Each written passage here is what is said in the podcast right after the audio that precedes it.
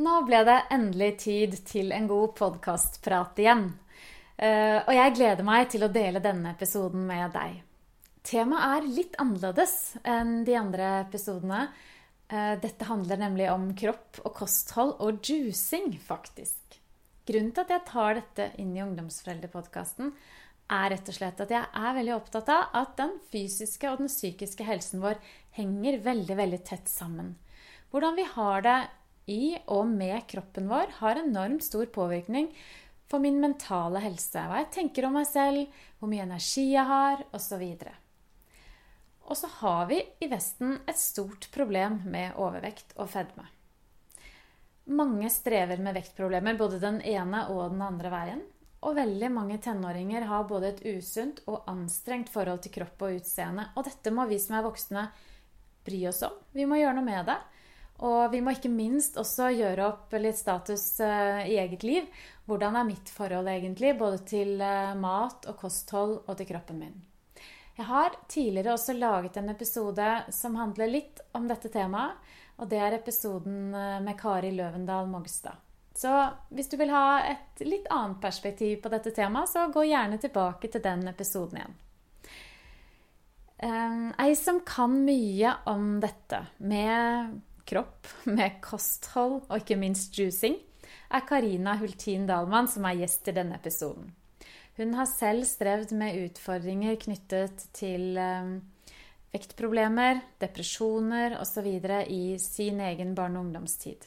Da hun var 22 år, så tok hun grep og begynte med juicing. Og det har medført fem bøker om temaet. Og så holder hun også masse kurs og foredragsvirksomhet. Selv må jeg innrømme at jeg ikke har noen erfaring med juicing. Jeg lager en smoothie i ny og ne. Men jeg ble inspirert nå, altså. Jeg fikk en eh, juicer for noen år siden, men den har stått i skapet og støvet ned. Men nå skal jeg hente den fram. Fordi i bøkene til Karina var det veldig mange gode oppskrifter. I denne episoden så snakker vi også litt om viktigheten av felles måltider. For meg så har det alltid vært viktig. Jeg vokste opp i en familie der god mat var viktig, og der felles måltider var en selvfølge. Og det er noe som jeg har tatt med meg videre inn i mitt familieliv også. Det å, å lage felles måltider gjør det både lettere å holde på et sunt og godt kosthold, og samtidig så er det et veldig fint møtepunkt i familien. Som Karina og jeg snakker om i denne episoden, så skulle vi nok begge ønske at middagen kunne gå fra å være noe som for mange nok er et lite sånn strev, noe vi bare må få inn i løpet av dagen, til at vi kan hente ut middagen som dagens høydepunkt, rett og slett. Da må vi få det til sånn rent praktisk, og i denne episoden så får du noen tips om hva du kan gjøre for å få det til. Dette er siste episode før sommeren. Men trenger du litt påfyll i sommer, så kan jeg anbefale sommerspesialen fra i fjor med Ruben Gaski. De temaene vi snakker om der, de har ikke gått ut på dato. I august er jeg tilbake med nye og spennende gjester.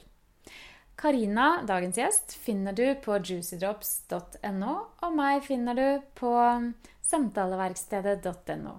Følg oss også gjerne på både Facebook og Instagram. Ønsker deg en god sommer og en riktig god lytt.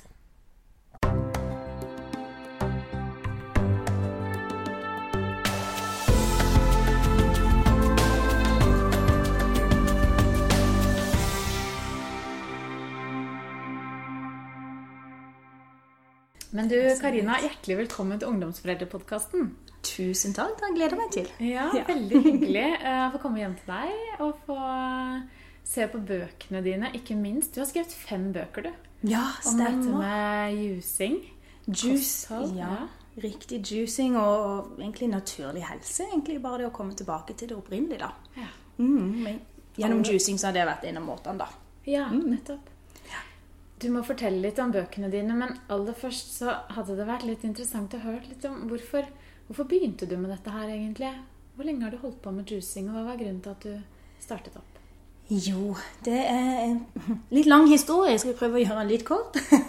Men eh, det begynte jo sjøl med at eh, jeg er født i Kristiansand, oppvokst i USA. Og så begynte jeg å legge på meg kraftig da jeg var rundt sånn åtte-ni år. Og dette her balla bare på seg, og vi flytta hjem til Norge når jeg var rundt tolv. Og eh, da hadde jeg en del problemer relatert til helse, til kroppen og rett og slett overvekt. Og dette brakte jeg med meg inn i eh, tenårene på videregående, og sleit jo veldig med alt ifra depresjoner, muskelsmerter, migrene, altså generelt sett en kropp som ikke fungerte. Og når jeg var rundt eh, 22, så var det sånn et aha-øyeblikk hvor jeg bare Åssen i all verden skal dette gå? Jeg har mislikt speilrefleksen min så lenge jeg kan huske. Jeg har hatt en kropp som har gjort vondt, ikke har fungert, fordøyelsesproblemer, depresjon og alle slike ting. Så jeg tenkte åssen i all verden skal det være når jeg er 40? Fordi jeg er jo allerede i forfall, rett og slett. Så eh, jeg begynte å lære mer om eh, ernæring og eh, begynte å implementere livsstilsendringer. Og begynte å skjønne hva som skjedde i min kropp, hva som var feil. Og begynte sakte, men sikkert å lege det og lære mer etter hvert. da. Så eh, etter hvert så fikk jeg gode resultater og gikk på universitetet og utdannet meg til ernæringsrådgiver og personlig trener. Og etter hvert Norges første juiceterapeut, plantebasert kokk og mye mer. Ja. ja. så det er litt sånn en, eh, Når jeg er 38 år, begynte jeg på den reisen da jeg var ca. 22, og starta for meg sjøl da jeg var rundt sånn 27 da, i Kristiansand. da. Mm, nå i Oslo. Fantastisk. Så det hele startet egentlig med en sånn Um, tenåringstid hvor du ikke var fornøyd med kroppen din? på en måte. Ja, du vet også, når, du er, når du er barn, så tenker du kanskje ikke så mye på det. Men en ble jo selvfølgelig mobba. Og uh, det er jo aldri greit for noen. Jeg gjorde det på, ja. på grunn av utseendet? På grunn av, på grunn av vekta. Hvor en fikk, ja, ja. ja. Og da var det jo Skal vi se De kom jo tilbake på begynnelsen av 90-tallet. Og da var jo ikke det et problem her i Norge med, med overvekt hos barn. Så jeg skilte meg jo ut eh, blant annet av den grunn, men jeg var jo litt American òg, vet du. Du har den der glam-faktoren over deg, ja, jeg syns jo det. Den, har, eh, den, har den, den, kommer jo fra mamma uansett, så det har ja. ikke nødvendigvis noe med USA å gjøre, men den har nok litt med bare hvordan den har uh, vært Ja, som familie, da. Mm. Men mobbing, som sagt, som barn, og, og tenårene, da blir jo folk litt mer akseptable, ikke sant? og kanskje sånne ting slutter. Men det handler om at du, du må trives i din egen kropp, og at jeg visste at jeg var ikke den jeg ville være, og at jeg visste at jeg hadde et potensial til så mye mer. For det handler jo veldig mye om selvtillit også. Og når ikke du trives med deg sjøl, så hadde ikke heller selvtillit til å til å by på meg sjøl og gå ut og ta det jeg hadde lyst til å ta. Jeg var, turde ikke å være blant um, folkemengder. Det var vanskelig å bli, være sosial, og det var vanskelig egentlig å uh, bli trygg på seg sjøl generelt sett. Og mm. vokse som menneske. Ja, og Det er mm. derfor jeg tenker at dette er veldig aktuelt. Selv om denne podkasten først og fremst handler om psykisk helse, mm. så henger jo det så tett sammen. Det henger tett så. Hvordan man har det med kroppen sin, hvordan helsen er, ja. alt sånn det påvirker jo veldig. Og jeg tenker ja. det er mange tenåringer, både barn tror jeg også, og tenåringer som strever med, med, med kropp. Med at de ikke er fornøyd med kroppen sin. Jo, mm. det har jo skjedd mye også siden du var tenåring. Å, Gud, sosiale medier. Så dette er vel enda sterkere i dag. Altså, Jeg syns jo det er kjempevanskelig å si noe om, i og med at jeg har jo ikke vokst opp med Instagram, Facebook og alt dette her presset. Eh, så jeg, tør, jeg, vet jo ikke om jeg hadde blitt den jeg var i dag hvis jeg hadde vært utsatt for det også, for det kan jo være at det hadde vært mye, mye vanskeligere. Um, men um, det er jo et kjempestort uh, press uansett, tenker jeg, spesielt for oss uh, damer. Men vi ser jo at flere og flere gutter sliter jo med det mm. samme. Men for meg så er det Og en skal jo akseptere på en måte alle kropper, og det er helt greit. Og en kan bestemme om en trives sånn eller sånn. Men i hvert fall mitt utgangspunkt så trivdes jeg, for jeg var jo ikke noe i form. Jeg var jo ikke frisk. Og det vet du ikke egentlig før du begynner å bli bedre, hvor kjipt du hadde det. ikke sant? Hvis ikke du har noe å sammenligne med, så vet du heller ikke at det der er lys i enden av tunnelen, holdt jeg på å si. For det handlet ja. om de ekstra kiloene, på en måte? Eller det som du eller hvordan Livsstilen. Ting jeg ikke tålte. Ja. Vet du, som er født i 81, vokste opp da i USA på midten av 80-tallet, hvor det var fast food-industrien Eller egentlig ikke fast food, for det var aldri en del av vår hverdag. Men det var jo ting som kom fra fabrikker. Det var jo ikke fokus på hele, rene råvarer. Grønnsaker, sunt fett. Det var jo industrimat. ikke sant? Det var raske karbohydrater. Det var sukkerholdige frokostblandinger. Sånn som vi ser den utviklinga er jo kommet til Norge også. bare, Det begynte jo gjerne der, ikke sant? Og så kommer det jo til andre vestlige land. Og det å bare spise ikke sant, masse brød, loff, sånne ting eh, Det var ikke noe substans i det. Det gjør jo at eh, man får jo ikke den næringen en trenger. Og selvfølgelig gjør det jo også at blodsukker blir ekstremt ustabilt. Og jeg vet jo at jeg er en av de personene som trenger mindre karbohydrater, mer protein og mer sunt fett. Mens i oppveksten så var det jo bare raske karbohydrater. Det var jo ikke friske grønnsaker, det var jo ikke sunt fett. Nå jobber jeg jo med extra virgin olivenolje blant annet, og vet jo hvor utrolig viktig dette er. Så, um, og vi ser jo også, og det er mer og mer her også, at uh, vi har en økning i, i fedme hos både voksne og hos barn. Og med det er vi 100% sikre på at følger med masse komplikasjoner og livsstilssykdommer og helseproblemer som koster samfunnet masse. Ja, det er vel mm. egentlig ja. ikke noe tvil om det. det er det har noe vært diskutert eh, mye på det. Og ja. vi ser jo at det er jo, det er jo, en av de største helseutfordringene vi har i Vesten i dag. Det det. Eh, og det handler jo ikke om tenker jeg, om at vi skal ha, på en måte se perfekte ut, men det Nei. handler om at vi skal ha sunne kropper, rett og slett. Som har helse, som ja. har energi, og som klarer å fungere. Og det er jo kjempeviktig for barn og ungdom at de fungerer, at de har energi i hverdagen, at de klarer å følge med på skolen. Nettopp. For dette henger jo sammen. Det henger sammen. Og det vet jeg jo nå, hvor irritabel og hvor grint jeg kunne bli. Og jeg vet jo nå at det er jo fordi jeg hadde jo så lavt blodsukker. ikke sant? Jeg fikk jo ikke de tingene jeg trengte. Det var jo ikke på en måte verken næring eller substans i å spise loff og frokostblandinger ikke sant? Og, og sånne ting. Det, det, var på en måte ikke det som gir næring. Og en trenger jo friske, rene råvarer. Og en trenger sunt fett og protein. Og en trenger bare egentlig å spise mat som er mat, og ikke som kommer fra en fabrikk. Og det ser vi jo heldigvis at det der er jo en endring og en utvikling absolutt uh, i det, da. Det er jo det. Og så er vi også, mm. har vi jo på en måte også det dilemmaet, tenker jeg, at vi har en del ungdom som er, har bygget helt andre veien også. Som mm. ikke tillater seg en pose potetgull eller mm. noe, på en måte, som har bikket over i at dette har blitt liksom så viktig for dem at de ja, at det ikke mm. fungerer helt uh, godt av den grunn også, da. Mm. At de har spiseproblematikk som, som handler Jeg vet ikke, husker ikke nå hva den nye lidelsen hva de kaller det for, men, men det er i hvert fall en del Ja, den, sun, oh, den burde jo jeg visst, men uh, Ja, og den, og den lider jo jo sjøl, på en måte. Ja, og det har jo lidd mm. andre veien også opp gjennom tenåringen. Jeg tok jo ja, med kjempemasse, var jo supertynn. Nå er jeg så 7-28. Da ble jeg jo mm. skikkelig treningsnarkoman. og tok koffein og masse sånne ting som ga masse energi og dempa appetitten. Så jeg har vært igjennom det òg. Og tingen er det at jeg aldri har hatt et normalt forhold til kropp og, og, sånne ting. Og det mm. får man egentlig heller ikke. Det er noe som er med det hele livet. Mm. Jeg er 38 og må trene hver dag, må tenke på hver en ting jeg spiser, for alt har en konsekvens. Mm. For og det er utfordring tenker jeg, for mange foreldre å vite. Liksom, hvor, hvor, skal vi finne balansen i dette her? Fordi vi skal på en måte normalisere, og vi skal Ja, det skal være lov ja. å, å, ta litt kake og kose ja. seg innimellom, og så skal vi sørge for at de får i seg det de trenger, og så skal de ikke bikke verken den ene eller den andre veien. Men det å leie etter balanse, det gjør vi hele livet. Jeg tror det er en del av det å være menneske, og jeg tror det er noe vi også må igjennom. Og jeg tror bare det er en del av oppveksten også med at vi vil jo gå igjennom disse periodene hvor vi er ekstra påpasselige i forhold til hva vi spiser, og kanskje kroppen og sånne ting. Og så blir man kanskje litt eldre, så får man selvtillit i forhold til litt mer av hva man kan, og kanskje ikke har så mye fokus på utseendet også. Og så vil det forhåpentligvis regulere seg. Etter hvert. Men det er jo kjempeviktig også hvis man eh, merker at dette er noe som blir veldig usunt og begynner å bli altfor ubalansert i negativ retning, så er det jo greit å snakke med noen som har eh, kompetanse på å kunne hjelpe en ut av det før det går for langt. Mm. Verken den ene eller den andre veien. Mm.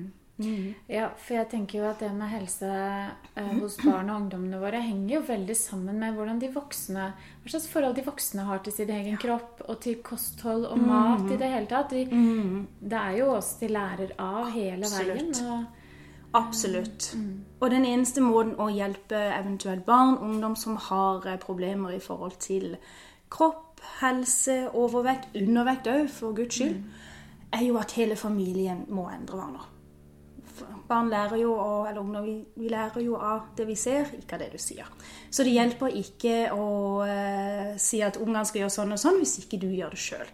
Og det ser vi jo ofte at foreldrene har heller ikke helt eh, Det er jo blitt vanlig at eh, jeg tror det er en av, en av fire menn er overvektig i Norge, og en av fem kvinner er overvektig i Norge. Da snakker vi om fedme. Så på en måte i takt med at foreldrenes videre vokser jo. Så hvis du sjøl er overvektig, så ser du jo ikke at barnet ditt heller er overvektig, for de blir på en måte et speilbilde av deg sjøl. Så det må jo begynne med at egentlig mest sannsynlig så trenger vi hele familien å legge om. Og sånn var det jo hos oss også. Det var jo ingen som burde ha spist de tingene vi nødvendigvis spiste. Altså Vi kunne alle lagt om, hatt en bedre livsstil, altså spist bedre mat. Og sånn er det, tror jeg, hos alle. Mm. Men hva, hva, gjorde du for å For når du var 22 år, sa du, så skjedde det en endring. Hva besto ja. den endringen da? Ja, den endringen, Det var faktisk av mamma som kom hjem med Fedon Lindberg sin bok 'Naturlig slank'. Jeg vet ikke om du husker det, men det var jo en stor slager og stor mediegreie. Og det rocka jo ved hele nordmannens tro til poteter og brød. Men det ble redninga for meg. Så jeg leste om den og begynte å skjønne hvordan Jeg visste ikke hva blodsukker var. Jeg visste ikke at det var mat som påvirka kroppen i det hele tatt. Tenkte ikke på det annet enn at du ble tjukk av noe. ikke sant? At noe var liksom fymat. og og det var gjerne ting som hadde mye kalorier og mye fett. Mens det var liksom helt greit bare det var lettprodukter og, og hadde sukker i. Sånn er det jo, vet vi jo det absolutt ikke er da. Men det at ting påvirker hormoner i kroppen vår, og at det var hormonubalanser Noe fører til fettlagring, og noe fører til eh, vektreduksjon eller stabilisering. Det var helt nytt for meg. Så jeg begynte å implementere det. Og da var det jo dette her med å få inn mer protein, sunt fett, og selvfølgelig å spise mer naturlig mat Som, som ga ganske gode resultater for meg og min kropp, fordi jeg lagrer veldig mye fett rundt maven.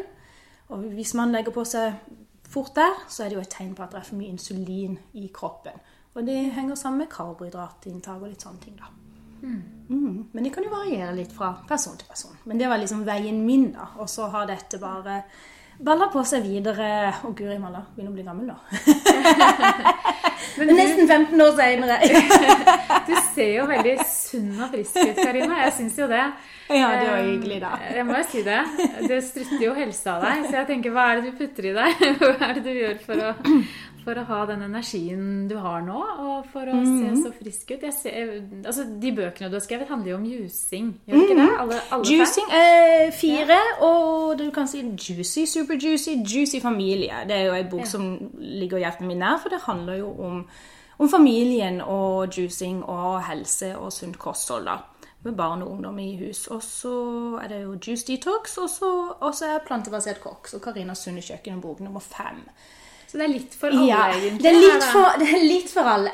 ja, det er litt for alle. Liksom for nybegynneren, så for den som liker grønnere ting, de som har barn og familiehus, de som har lyst til å gjøre en litt sånn en kickstart og en cleanse, sånn skikkelig nullstilling av kroppen også, og har lyst til å lære om grunnleggende eh, gode, sunne mm. matlagingsteknikker. da. Men jeg er mm. helt blank på dette her. Ja. Jeg, lager litt, jeg, lager litt, smoothie innimellom. Ja. Og da syns jeg jeg er ganske flink, egentlig. Ja. jeg lager det til barna mine. Ikke sant? Men uh, juicing, er det, no, er det, noe annet enn å lage en smoothie? Ja. Det, de hører jo ofte sammen. Altså Juicing er jo rett og slett det å presse um, frukten Nei, unnskyld, saften av frukt og grønt. Altså fersk frukt og grønt. Og da vil jeg gjerne ha fokus på grønnsaker. Så det er en veldig fin måte å få i seg masse næring i et glass.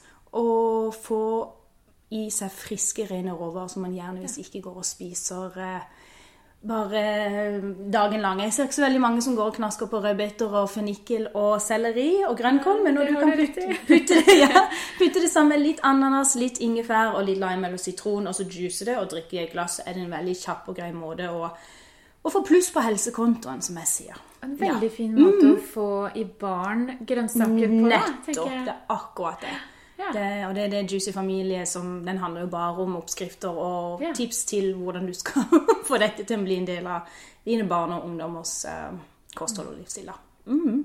Hva, hva, anbefaler du? Altså én juicing om dagen, eller skal vi, liksom, Hvor mye skal vi uh, I hvert fall en halvliter om dagen. Så alle ja. mine oppskrifter gir mellom 4 til 5 dl. Litt ut ifra mm. hva slags maskin du har, og selvfølgelig størrelsen på råvarene og litt sånt, da. Ja. Men alt er bedre enn ingenting. Så en kan gjerne bruke juicing til å få i seg de grønnsakene som man vet en ikke spiser. Og sånt. Og så bruker en jo gjerne også blender og, og, sånne ting til noe som jeg kaller juice smoothie. Så hovedforskjellen er at uh, smoothie det er en blender med hele råvarer, og i en juicemaskin så juicer du og så presser du saften da hovedsakelig av av grønnsaker ligger her, siden. Og du kan få i deg så mye større mengder. Så juicing den gir mat til cellene, men til smoothie kan kanskje mette mer med å gi mat til magen, som jeg pleier å si. Så juicing er liksom å få påfyll rett til cellene i forbindelse med vitaminer, mineraler og antioksidanter. Ja, da skjønner jeg. For smoothie er for meg et lite sånn måltid, på en måte. Nettopp. Men det er Ja. ikke juicing, da.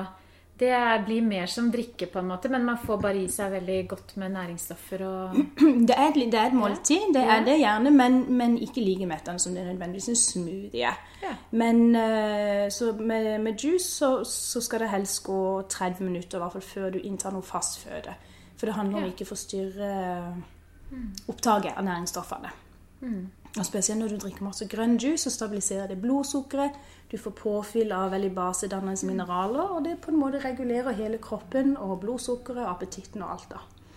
Og så tilsetter jeg igjen litt extra virgin olivenolje oppi, for da får du bedre blodsukkerbalanse, metter mer, og så får du opptak av fettløselige vitaminer.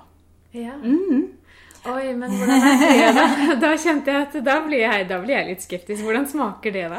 Helt fantastisk. Gjør ja, det? Ja, ja, visst gjør det. Så det handler om å, ha, å vite litt om de riktige oppskriftene, og det er jo blant annet det jeg jobber med. Også med extra virgin olivenolje, som bare gir en god fruktighet og masse antioksidanter og sunne fettsyrer. Ja. Mm. Ja, for det er det mange som strever med å få i seg nok av i hverdagen. For vi vet at vi skal spise fisk, men så Og nå er vi i mai-juni. Det kryr av skoleavslutninger Ja. og mye annet som skjer. Sommerfester, Ja. og det er grilling. Ja. Og det er ikke lett å holde på det vanlige, gode kostholdet. Nei, ikke sant. Og ikke minst få i seg nok, eh, nok fisk.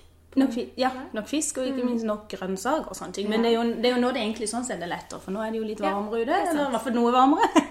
Ja. og så er det jo tida nå for masse deilige råvarer, norske råvarer som vi har da. Ja. Så det er jo fantastisk å lage masse gode salater med en god extra virgin olivenolje. Og så Mm. juicer du litt, og så har du smoothie innimellom, og så er det egentlig ikke så veldig komplisert. Nei, det var det jeg skulle liksom til å si. Er det så enkelt? Det er, jo, Altså, det er faktisk så enkelt. Og dette her i forbindelse med juicinga, det er jo en av grunnene til at det har vært en stor suksess, og noe som har vært veldig moro å jobbe med, fordi det er faktisk veldig enkelt. Og gjør du bare den ene tingen, så uh, gjør du noe kjempepositivt for kroppen din. Det blir liksom som å drikke et stort glass med, med naturlige um, multivitaminer, istedenfor å ta kunstig form i form av piller. Og så handler det noe med at når du først begynner med den gode vanen, så skjer det ting i kroppen. Så skjer det noe med psyken også. Og da får du lyst til å gjøre andre endringer. Så det handler liksom bare om å egentlig eh, så det lille frø, og så begynner ting å vokse.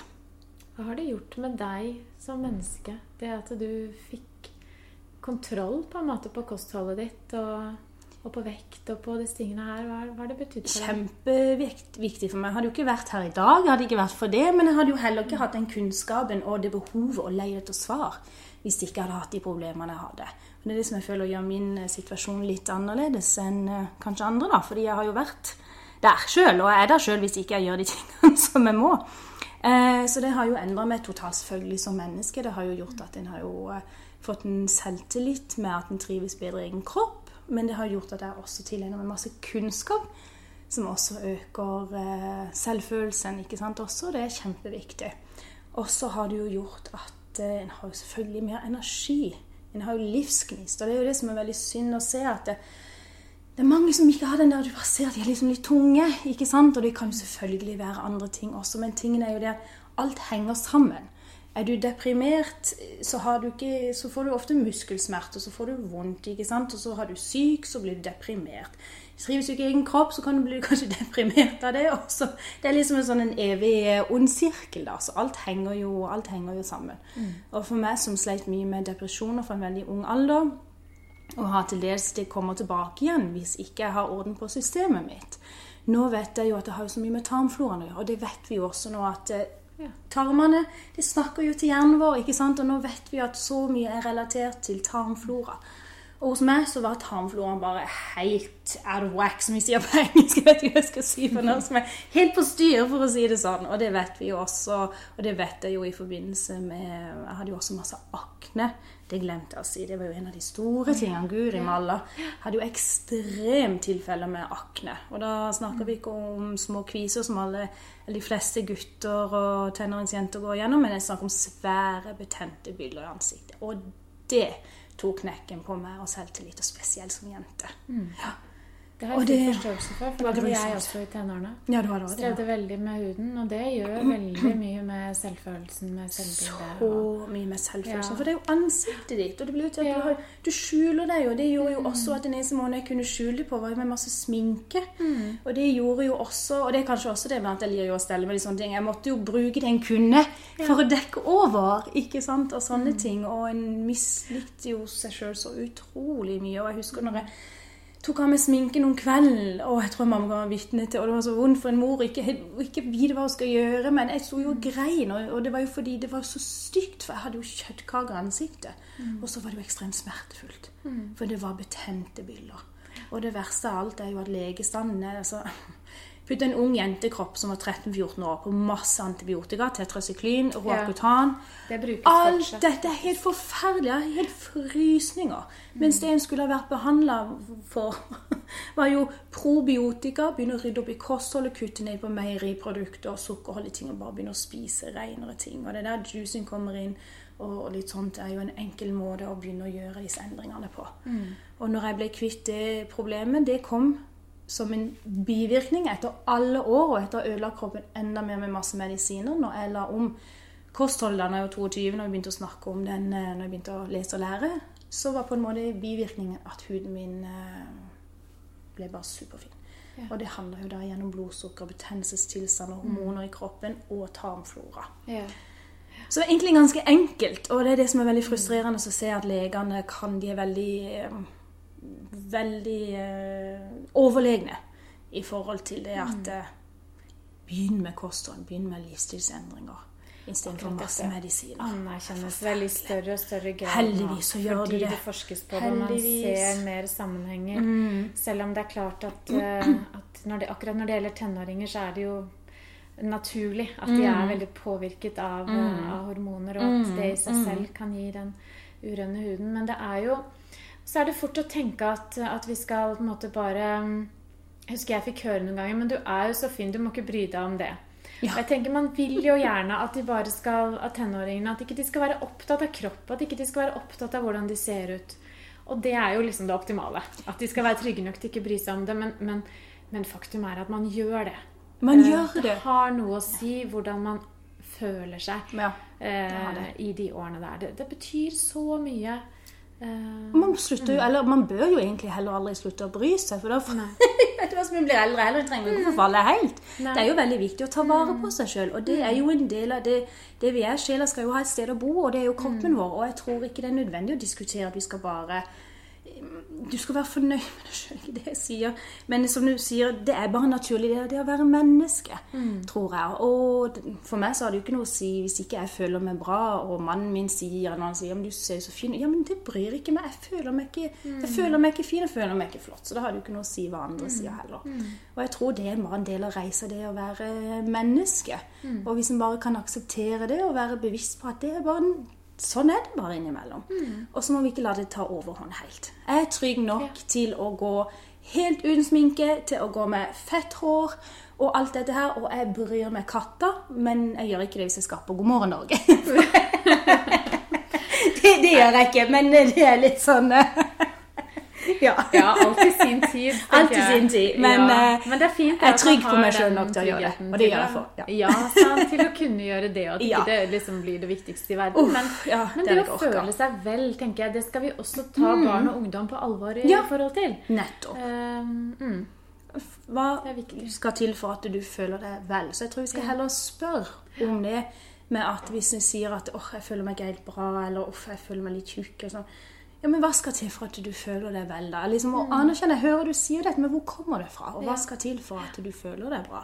Ja, ta det på alvor. Ta det på og alvor, Og det ja. kan handle om, eh, om den type ting som Ja. akneproblemer. Det kan også handle om, om, om relasjonsutfordringer eller andre ting. Så det å ta, ta de på alvor, i hvert Mm. Ja, fall. rett og slett. Og, og våge å ta tak i det.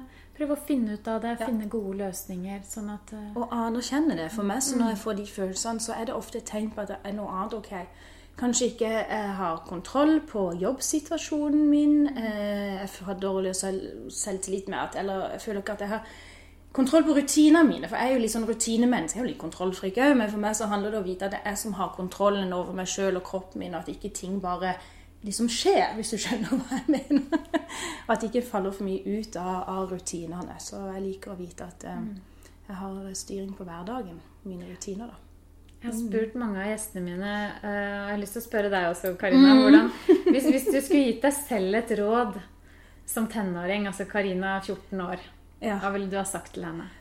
Åh, den har jeg tenkt på noen ganger. Den er vanskelig, altså. For jeg tenker liksom alt er en sånn del av reisen og utgjør summen av den vi er i dag, da. Eh, men jeg tenker at eh, At ting har en tendens til å ordne seg. Og at en kan være um, En trenger ikke være så bekymra. Var veldig ofte bekymra for alt og for fremtida og sånne ting. Så mye, mye, mye angst, rett og slett.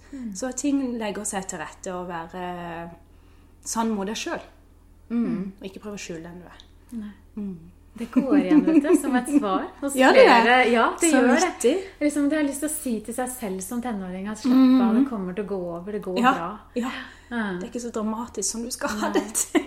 Nei, for det er det i Ja, tenårene. men det er jo sånn det er å være tenåring. Det er det det er, Det er jo det det er. Mm. Men så tror jeg det er godt å høre fra oss likevel. Ja, det, er, ja. det kommer til å ordne seg. Ja, det ordner seg. seg. Jeg ser at du holder også kurs eh, Du nevnte olivenolje i stad. Du Ja. holder en del kurs eh, knyttet til det også? Ja, det er Ja. ganske nytt. Ja. For nå har jeg jo jobba med juicing sånn, holdt jeg på å si, profesjonelt siden anførselstegn siden 2013 kom den første boka mi ut. Og så har det egentlig gått slag i slag siden da. Og så videreutdanna jeg meg til plantebasert kokk. Fordi folk spurte meg ja, drikker du bare juice. Nei, selvfølgelig gjør jeg ikke det. Jeg tygger jo også. Hva spiser du da? Så eh, da var bok nummer fem en litt sånn innføring i grunnleggende matteknikk og sånt. Og så har jeg alltid hatt eh, Så i fjor så hadde jeg litt sånn et sabbatår, som man sier, kanskje. Det var, sånn, det var litt sånn finne seg sjøl igjen. Da har jeg gjort dette, hva skal jeg gjøre videre? Jeg har alltid hatt en ekstrem forkjærlighet for eh, Italia eh, og middelhavskulturen, med spesielt Italia, da. Og så dro jeg ned dit i fjor og bodde der en måneds tid og jobba med et prosjekt i forbindelse med at Italia er kåret til verdens sunneste land. Og middelhavskostholdet er kåra igjen i år til verdens sunneste diett. Og, og levesett, sånn sett. Og fellesnevneren for dette er extra virgin olivenolje. Så da så jeg en mulighet for å kombinere min kjærlighet for både mat, Italia, middelhavskostholdet og eh, helse. Så jeg utdannet meg til Norges første kvinnelige olivenoljesommelier. Så det er det samme som en vinsommelier. Det var ikke så veldig bra å jobbe med vin. Det er ikke noe jeg kunne jobbe med. Eh, mens olivenolje. Så det handler jo om å lære om den fantastiske Det er faktisk en fruktjuice. Olivenolje er jo fersk fruktjuice pressa fra gode oliven. da. Og det er over 6000 forskningsrapporter som dokumenterer helsevirkning av extra virgin olivenolje. Så det er det nye, og det knytter egentlig alt sammen. Ja. Så istedenfor vinkurs, så kan man nå gå Eh, Så, yes, nettopp. Så vi gjør det på samme måte. Og det er egentlig en egen podkast som vi kunne ha gjort, for der har masse morsomme lyder og sånne ting. Men ja, vi gjør det blir en reise i hva olivenolje er, middelhavskost og litt sånne ting. Men hvorfor hvordan, og hva det gir oss av gode helsemessige eh, egenskaper. Og hvordan man kombinerer dette sammen med, med mat. Og vi gjør ordentlig smaking og profesjonelt gjennom disse fine kobberblå glassene. Og vi slurper og vi kjenner og vi lukter, og så spiser vi og kombinerer det med mat og ting som, som, gjør, som viser hvordan man kan bruke det i hverdagen. For det er jo det det handler om. Ja, for det handler det egentlig ikke bare om at det skal være, at det skal være sunt, men det, skal, det er også Det viktig at det er godt. godt. Selvfølgelig. Hvis Det er matglede i det, Ja, egentlig. matglede. Jeg er Ja. kjempeopptatt av det. Matpositivitet, matglede, også å snu denne her med at åh, det er ork. Og det å lage middag er ork. Så mange sier det er ork. Når jeg, en av fellesnevnerne og en av grunnene til at Italia annet er kåret til verdens sunneste land, er fokus på at middag er dagens høydepunkt. Ikke dagens belastning. Og det føler jeg går igjen overalt i det kan være kanskje andre vestlige land generelt, men i hvert fall i Norge, hvor jeg hører at 'Å, jeg vet ikke, jeg skal til middag. Jeg må ha den inn til middag.' Åh, åh, ork. Istedenfor at det er familiens høydepunkt. Kanskje sånn som det var før, når våre besteforeldre levde og hadde tid til å være hjemme. Skjønner jo at det er en tidsklemme, men med litt planlegging, med at eh, vi sørger for at ikke vi er ihjelsultne når klokka er fire, det handler om litt mellommåltider, så kanskje vi har litt tid og litt ork til å planlegge middag og, og sette oss ned til middagsbordet igjen. Det heier jeg veldig på. Ja, Selv er jeg veldig opptatt av mat. Veldig glad i mat. Ja, ja, ja, ja, så gøy, da. Og jeg ser at eh, hos oss har det liksom beveget seg fra middag litt tidlig når barna Mm. var mindre, til at vi nå oftere og oftere har kveldsmiddag. Nettopp. Eh, For da har tenåringene kommet hjem fra trening og andre ting, og vi spiser heller litt brød i firetiden eller noe annet. Og så nå kanskje vi skal gå over til juicing. Ja, ja det blir det olivenolje, juice og smoothies. Og så kan vi faktisk samles på kvelden til et godt måltid, og det Tenk så koselig. er så viktig. Og det er jo det de gjør i andre land. ikke sant? Når vi går sydover, så spiser de jo ikke middag før i hvert fall åtte nesten. Så ikke trenger å være så sein, men som du sier, middag skal ikke være det første du gjør når du kommer inn, trøtt, sliten, svett kanskje, og bare helt forvirra. Du må få tid til å liksom avklimatisere deg litt. Vet du hva, Jeg må ha en halvtime på sofaen. Ja, du skjønner Det er så beste godt. jeg gjør før jeg lager middag. Du må bare legge meg på sofaen litt, slappe av. Gjør det. Så får jeg lyst til å lage Ja, mat. gjør det. Og da må du Ja. bare sørge for at det er planlagt at dere har litt sånn Enten at du har tatt med deg noe, om det er noen nøtter, om det har kokt egg i kjøleskapet, om det er noe sånn kjøleskapsgrøt, chiagrøt, om det er en smoothie, om det er juice, men bare et eller annet som står klart der. For selvfølgelig Ungene er jo ihjelsultne mest sannsynlig når de kommer hjem fra jobb, så vi må bare sørge for at det er et eller annet som de kan få da, som er mellommåltid. Og så, som du sier, så samles en til sen ettermiddag, kvelden, eller hva det skulle være som passer inn i hverdagen. Jeg tror det er viktig å få vekk den der eh, alt skal skje mellom åtte til fire, åtte til fem, eller åtte til fem, mener jeg liksom. Ja, for det det som fort skjer, er at man slutter å spise sammen. Ja, at det det blir, alle går og tar seg litt mat, eh, og det gjør også veldig mye med kostholdet. Ja, visst gjør Og det. relasjonen i familien, tenker jeg. Så det å prøve, begynne å liksom tenke at det med måltider er ikke Ja. noe vi bare skal gjøre unna, men det, det kan være noen høydepunkter. Ja. Det syns jeg var et veldig godt tips. Og det er italienere. være- Bare tenk på italienske familier! Mamma mia som sitter der.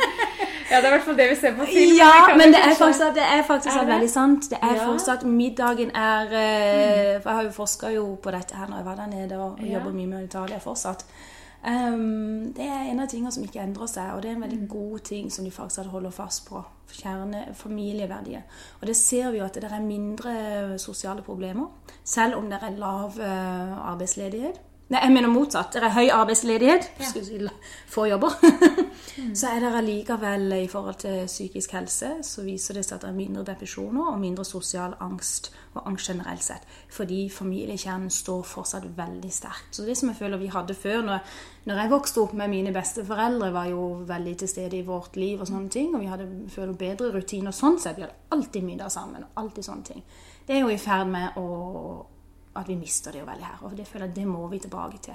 Og det er jo det vi snakker om også at da får vi anledning til å liksom analysere situasjonen, kanskje snakke litt og har de problemer med det ene og det andre. Kanskje da er det ro til å snakke om det, hvor de er kanskje ikke så slitne som når du kommer rett fra jobb og rett fra skolen. da. Mm. Og sommeren, Jeg syns det var fint å ha denne episoden nå før sommeren. For det, Mm. det er jo en fin anledning, da. Det er vel egentlig ingen unnskyldning for å skulle forte seg med måltidene når det er sommerferie. Da, da har vi tid Da har du jo så mye tid. Så hvis man vil få til en endring, så er kanskje sommeren en fin tid, tenker jeg. Du, faktisk de beste tider for meg er når vi har hatt ferier. Eh, fordi da har jeg faktisk hatt roen til å kanskje lese litt, eh, sette meg inn i litt eh, matrutiner eller matoppskrifter som jeg lenge har snust på og hatt lyst til. Vi har eh, Svigers har hytte oppe ved Røros, så der kan vi og svigermor lage masse mat, teste ut nye ting. Ikke alle prosjekter er like vellykka, men det meste blir ganske bra, da. Å, det høres Ja. kjekt ut. Da slår vi et slag for det, rett og slett. Med felles måltider og Ja. um, Matglede. matglede eh, i Mm. sommer. Eh, bøkene dine er å finne i, i bokhandel? Ja, det er ellers også nettsider som er juicydrops.no. Så Ja. derfor kan du kurs og bøker, og olivenolje og alt sammen. Så bra. Da bare oppfordret til å gå inn der og sjekke Ja, ut. så hyggelig. Takk skal du ha, Karina. Tusen takk for meg. God sommer. I like måte.